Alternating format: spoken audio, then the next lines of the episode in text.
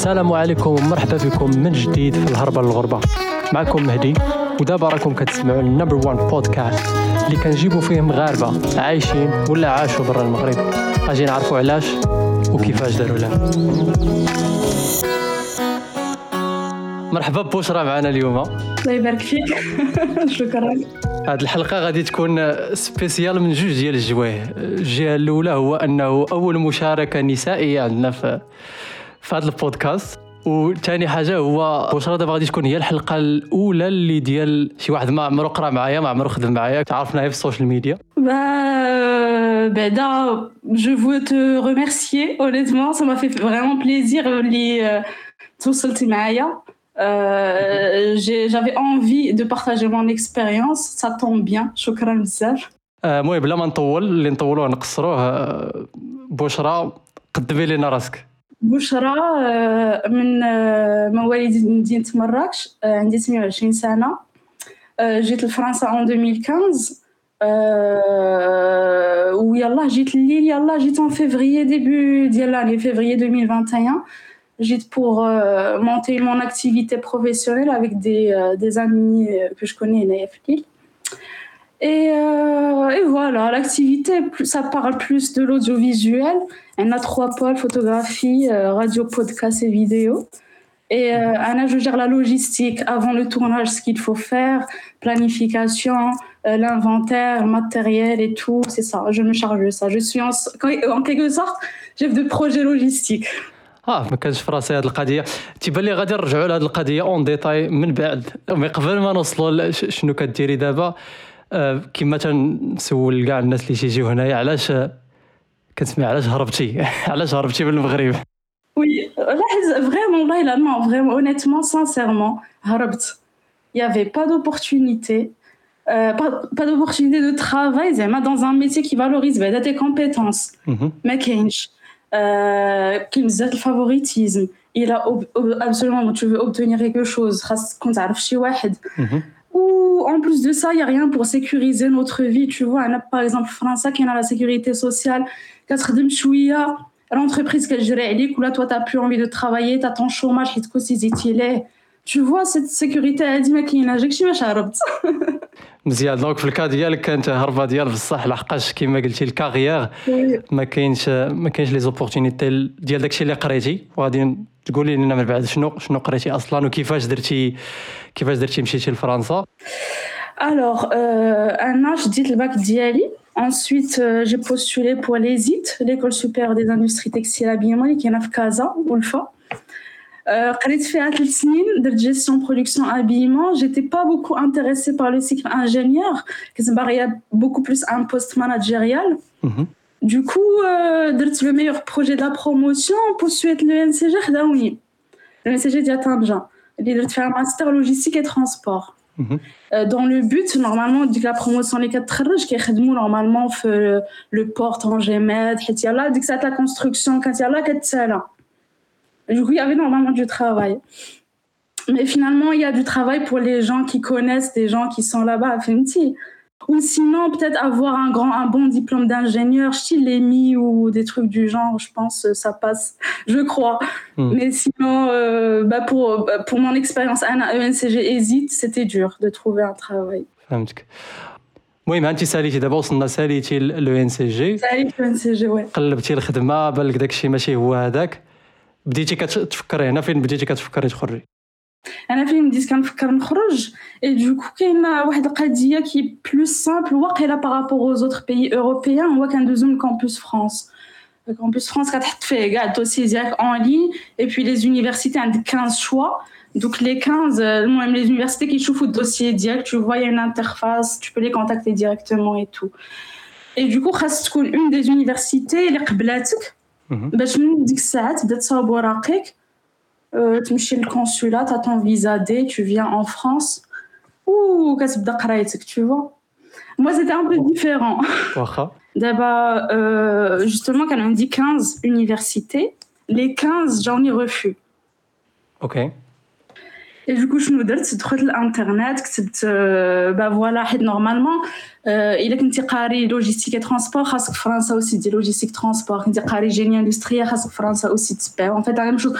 Tu peux pas faire, par exemple, une de logistique transport ou des ressources humaines, tu vois. Mhm. C'est pas possible. Du coup, école supérieure de transport euh, en France, j'ai lié à la première recherche, j'ai lié à école supérieure de transport à Paris. Mhm. Euh, fait envoyer votre dossier de candidature, c'est tout. Euh, le lendemain, ils m'ont répondu qu'il y a telle date à ce que j'ai je concours, écrit et oral.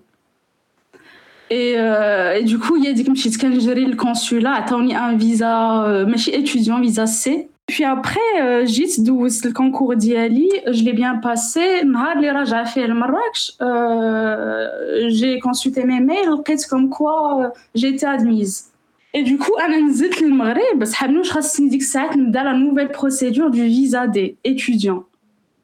Et ben en fait, j'ai pris rendez-vous مشيت للconsulat قالوا لي راه كان يمكن لك تبقاي بهذا الفيزا هذا تماك وتصاوبي وراقك تماك في لا بريفكتور اي دو كو فاش كترجع عاد كتبدا كلشي من الاول هو سكي ديفيرون على الفيزا دي étudiants c'est que ça prend plus de temps. La British la sécurité sociale, ça va prendre par exemple plus de trois mois que la canal qui visa étudiant, tu vois. Mhm. Mais c'est une manière de, si tu as vraiment envie de venir en France et étudier, il y a un pass euh, en dehors de Campus France. Ah, donc tu m'as dit je garde le Campus France. Ah, c'était mon, ma recherche individuelle. Ma recherche le Campus France. Ou tel, après, عاد دخلوا لي هذيك لا فورماسيون اللي تقبلت فيها اللي قلبت عليها أنا مشيت دوزت فيها كونكور دخلوها لي في الدوسي ديال كامبوس فرانس آه بلان مزيان دونك دابا الناس اللي كيسمعونا وكيعرفوا غير كامبوس فرانس باش يمشيو لفرنسا راه كاينين كاينين لعيبات اخرين وي وبشرى بشرى راه هو هو اكزومبل حي دارت دارت دارت هاد اللعبه هادي موجود ديال بصح زعما راه ماشي ماشي تفليه أوكي أبخي فاش فاش جاوبوك رجعتي ديك الساعة كنتي في المغرب كان خاصك تدفعي تدفعي فيزا دي باش عاودي تمشي ولا ولا رجعتي غير بهذيك الفيزا الثانية؟ رجعتي بلو فيزا. آه رجعت بلو ميم. رجعت بلو ميم بعد ابخي بديت هنايا مي بروسيدور ديال ريشيرش دو لوجمون هذه هي اللي خايبه سي ان بيتي كونساي اسيي دو لو فير بيان افون دو فينير ايسي ولا او موان سي vous avez des contacts هنايا ديال الناس اللي كتعرفوا en France en moins يقدروا يتكلفوا ليكم شويه بلو لوجمون tu vois يمشيو par exemple pour les visites ou des trucs du genre حيت انا تعطلت en fait جيت لفرنسا Parce que justement, je pensais que c'était comme au Maroc, vous avez Matouchi sous le, le concierge, le sous le chihad. Mais normalement, il faut, faire un dossier avec des garants, avec des, euh, des trucs du genre. Et si t'as pas de garant, t'as des garants sociaux et, et des trucs du genre. بحال كتقلب على خدمه وكدوز لي زونتروتيان ابخي دفعتي كل شيء مشيتي المدينه الاولى كما قلتي في الاول ما كانتش هي ليل وي alors, Mdina Loula, il y a Strasbourg. Mm -hmm. Bah, en fait, comment ça s'est passé? Justement, au Sotl Paris, euh, j'avais des problèmes de logement, dossier d'Iali n'était pas complet. Mhm. Tu vois? Euh, du coup, j'ai des amis à Strasbourg qui m'ont hébergé. L'école Leaders Anna, c'est une école en alternance. quatre semaines ou quatre semaines. Mhm. Du coup, قلت نقلب على خدمة في ستراسبورغ ونزل سيمانة في الشهر Paris. Et c'est ce que j'ai fait. Mhm. بقيت عام بحال هكاك جي بري جي eu mon diplôme de premier de حيت عاود الماستر ديالي جي بري mon, mon diplôme de M1 après نزلت لباري parce que honnêtement il y a pas beaucoup de travail Strasbourg euh, j'ai accumulé mes droits etc euh, j'étais chef de projet supply chain d'une boîte euh, c'est un centre de distribution B2B et B2C mm -hmm. Euh, et puis j'ai acquis l'expérience. Et puis après, je voulais découvrir autre chose. Là, j'étais beaucoup plus intéressée par la logistique humanitaire. Quelle est la logistique humanitaire? La logistique humanitaire, moi, donc, euh, les aides humanitaires qui s'envoient à l'étranger, par exemple, depuis les pays européens, dès que l'acheminement aérien, l'acheminement maritime, toute cette gestion, c'est de la logistique humanitaire, dans le domaine de l'humanitaire. Euh, et, justement, voilà, Guilt, euh, j'ai envie de découvrir autre chose, c'est ce qui m'intéresse le plus. Du coup, euh, ça, ce qui est bien, c'est que quand on travaille, on cumule aussi un compte professionnel de formation. Tu as le droit de faire des formations. Mm-hmm. Parce qu'à un compte, tu as cumulé fait des euros comme ça. Et à un moment donné, par exemple, tu dis نبغي نتفورما في حاجة أخرى كتحبس الخدمه et tu payes avec ce compte هذاك اللي عندك اللي كوتيزيتي فيه نتايا en travaillant هكاك وابخي كوتيزيتي مزيان في هذا الكونت هذا وخرجتي درتي اون فورماسيون أخرى وي خرجت درت فورماسيون حيت نورمالمون باش تدخل لوجيستيك هومانيتير خاص دو ان يكون عندك دي كونتاكت في هومانيتير Et de deux, ce qui est dur, et de deux, c'est de faire une formation, un diplôme, la gestion humanitaire ou la sociologie. Ou. Mm -hmm. Et du coup, j'ai fait une formation en éducation populaire et politique à Naïf Lille, euh, où j'ai rencontré plusieurs personnes et tout. Et c'est comme ça qu'on a commencé notre coopérative, dit. C'est une coopérative. Et c'est une autre forme d'entrepreneuriat. Mm -hmm. Dans le schéma classique, l'entrepreneuriat euh, où t'es patron, tu cotises pas pour assurer ton, ton avenir. Mhm.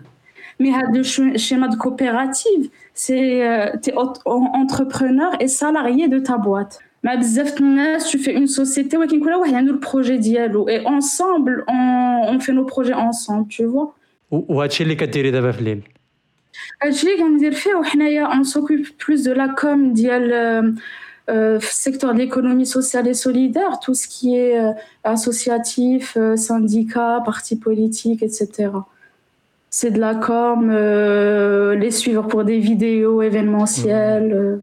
Ok, ok, Radidakshi Ça va, là, ça va faire un an et demi, et ça va jusqu'à maintenant, là, ça se passe bien. En plus, il y avait le Covid et tout, mais, mais ça va, ça va. ترانزيسيون مزيانة هذه دونك نبداو بعدا بفرنسا كي جاتك ك كدولة. المهم بزاف الناس غادي يقول لك راه كيما كيما في دي زيبيزود أخرين قال لك راه بحال بحال المغرب تقريبا غير داكشي منظم وي وي وي. هي سي فغي بحال بحال المغرب غير داكشي منظم باسكو المغرب سي سيتي فريمون اورغانيزي جو سوري لا بروميير ا y rester honnêtement. هنايا كيف ما قلت لك لي جون كونيس لور دروا Mmh. Tu vois, bah, euh, c'est ça que je veux dire. En tant que personne étrangère, il faut savoir qu'on a beaucoup de droits, on a beaucoup d'aide financière, on a beaucoup de trucs qu'il faut qu'on connaisse et qu'il faut qu'on exploite parce que nous, on travaille, on cotise pour ça. Mmh, tu vois Donc, هذه la différence الكبيرة اللي جاتك ما بين ما بين المغرب وفرنسا. Oui, c'est ça. La différence كبيرة, c'est honnêtement, أنا فاش, enfin, si je suis sortie du Maroc, là, c'est pour trouver un autre modèle de société où je peux moi aussi m'épanouir. Mmh. Mmh. Tu vois? Et j'ai envie aussi d'épanouir le Maroc parce que c'est mon pays. Je suis née marocaine, née musulmane et je resterai marocaine et musulmane. Euh, c'est pour ça que je trouve ça bien pour Zamanas qui veulent expérimenter, expérimenter, même s'il y a des problématiques ou dans lesquelles vous allez, vous allez les endurer. Là, c'est. C'est une bonne expérience pour la vie de connaître des trucs. C'est ça qui est cool. والحاجة اللي تقد دابا هذا البيزنس هذا اللي عندك في الليل خدام مزيان كل شيء مزيان شنو اللي يقد يرجعك واحد النهار للمغرب تقول لي هذا الشيء كامل ما عندي ما ندير فيه رجع لمراكش مراكش زوينة مشمشه ديما كنقول اشاك فوا كتكون الشتا هنايا صافي كتبدا ديك ستة الشهور ديال الشتا تقول الله الله تحس براك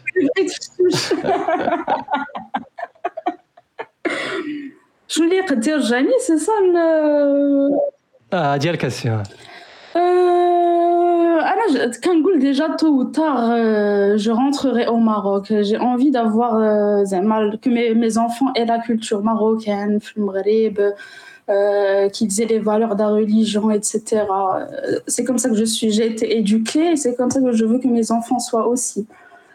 Du coup, euh, je ne vais pas euh, carrément arrêter l'activité en France. Je pourrais l'importer le Maghreb et je pourrais en faire mon activité et rester au Maroc. Du coup, ما كرهتش ناخذ كلشي وننزل المغرب. نزلي المغرب عندك شي بريفيرونس للمدينه؟ préférence مازال فكرت فيها نو مي مراكش ça reste la ville natale. الصراحه مراكش مدينة لا يعلى عليها. نرجعوا للقضية اللي قلتي ديال ديال تربي الدراري في فرنسا شوية صعيبة. واش نيت صعيبة؟ واخا كاينين بزاف ديال المغاربة وكاينة كوميونيتي كبيرة ديال المغاربة في فرنسا. آه. Je vais te dire la vérité. Un an, moi-même, je me sens toujours étrangère ici. Tu vois, je me sens pas chez moi. Euh, je sais que mes enfants aussi, ils auront cette impression parce qu'ils seront filles, fils ou filles d'immigrés, tu vois. Et cette impression, elle existe en France. Tout le monde en parle. Il y a les actualités, tout le monde le dit et tout le monde en parle. كتحس براسك ماشي في بلاصتك ماشي ماشي ماشي راك ماشي في بلادك ماشي tu vois صراحة أكيد القضية كاينة ولكن كنسمع كنسمعوا والله أعلم. واش بصح أنه في فرنسا كاينة هذه القضية أكثر كيفاش شنو كتسمع شنو كنسمعوا بزاف؟ آه نو كنسمعوا بزاف هذه القضية ديال ان فرانس يا يا بوكو d'étrangers d'immigrés de filles issues de familles immigrées etc اللي وي كيقولوا كو on se sent pas chez nous et moi je me sens pas chez moi c'est normal الصراحه لحقاش culture مختلفة. Culture مختلفة. En plus, ah ben, tu le vois juste dans les lois qui passent à chaque fois. Là, il y a une loi qui est sortie qu'il qu'il faut plus faire les mariages rebeux. Euh, il y a des lois qui les drapeaux ils doivent plus être on plus on doit plus voir les drapeaux et j'en dis que l'assimilation à la culture de l'autre elle va plus être visible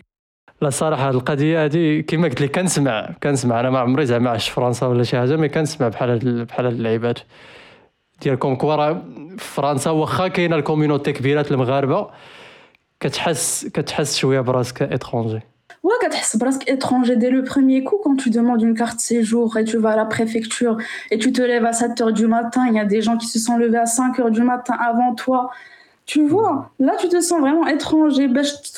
Betaka comme quoi, oui, euh, t'es, t'es, t'es ici, quoi, tu vois.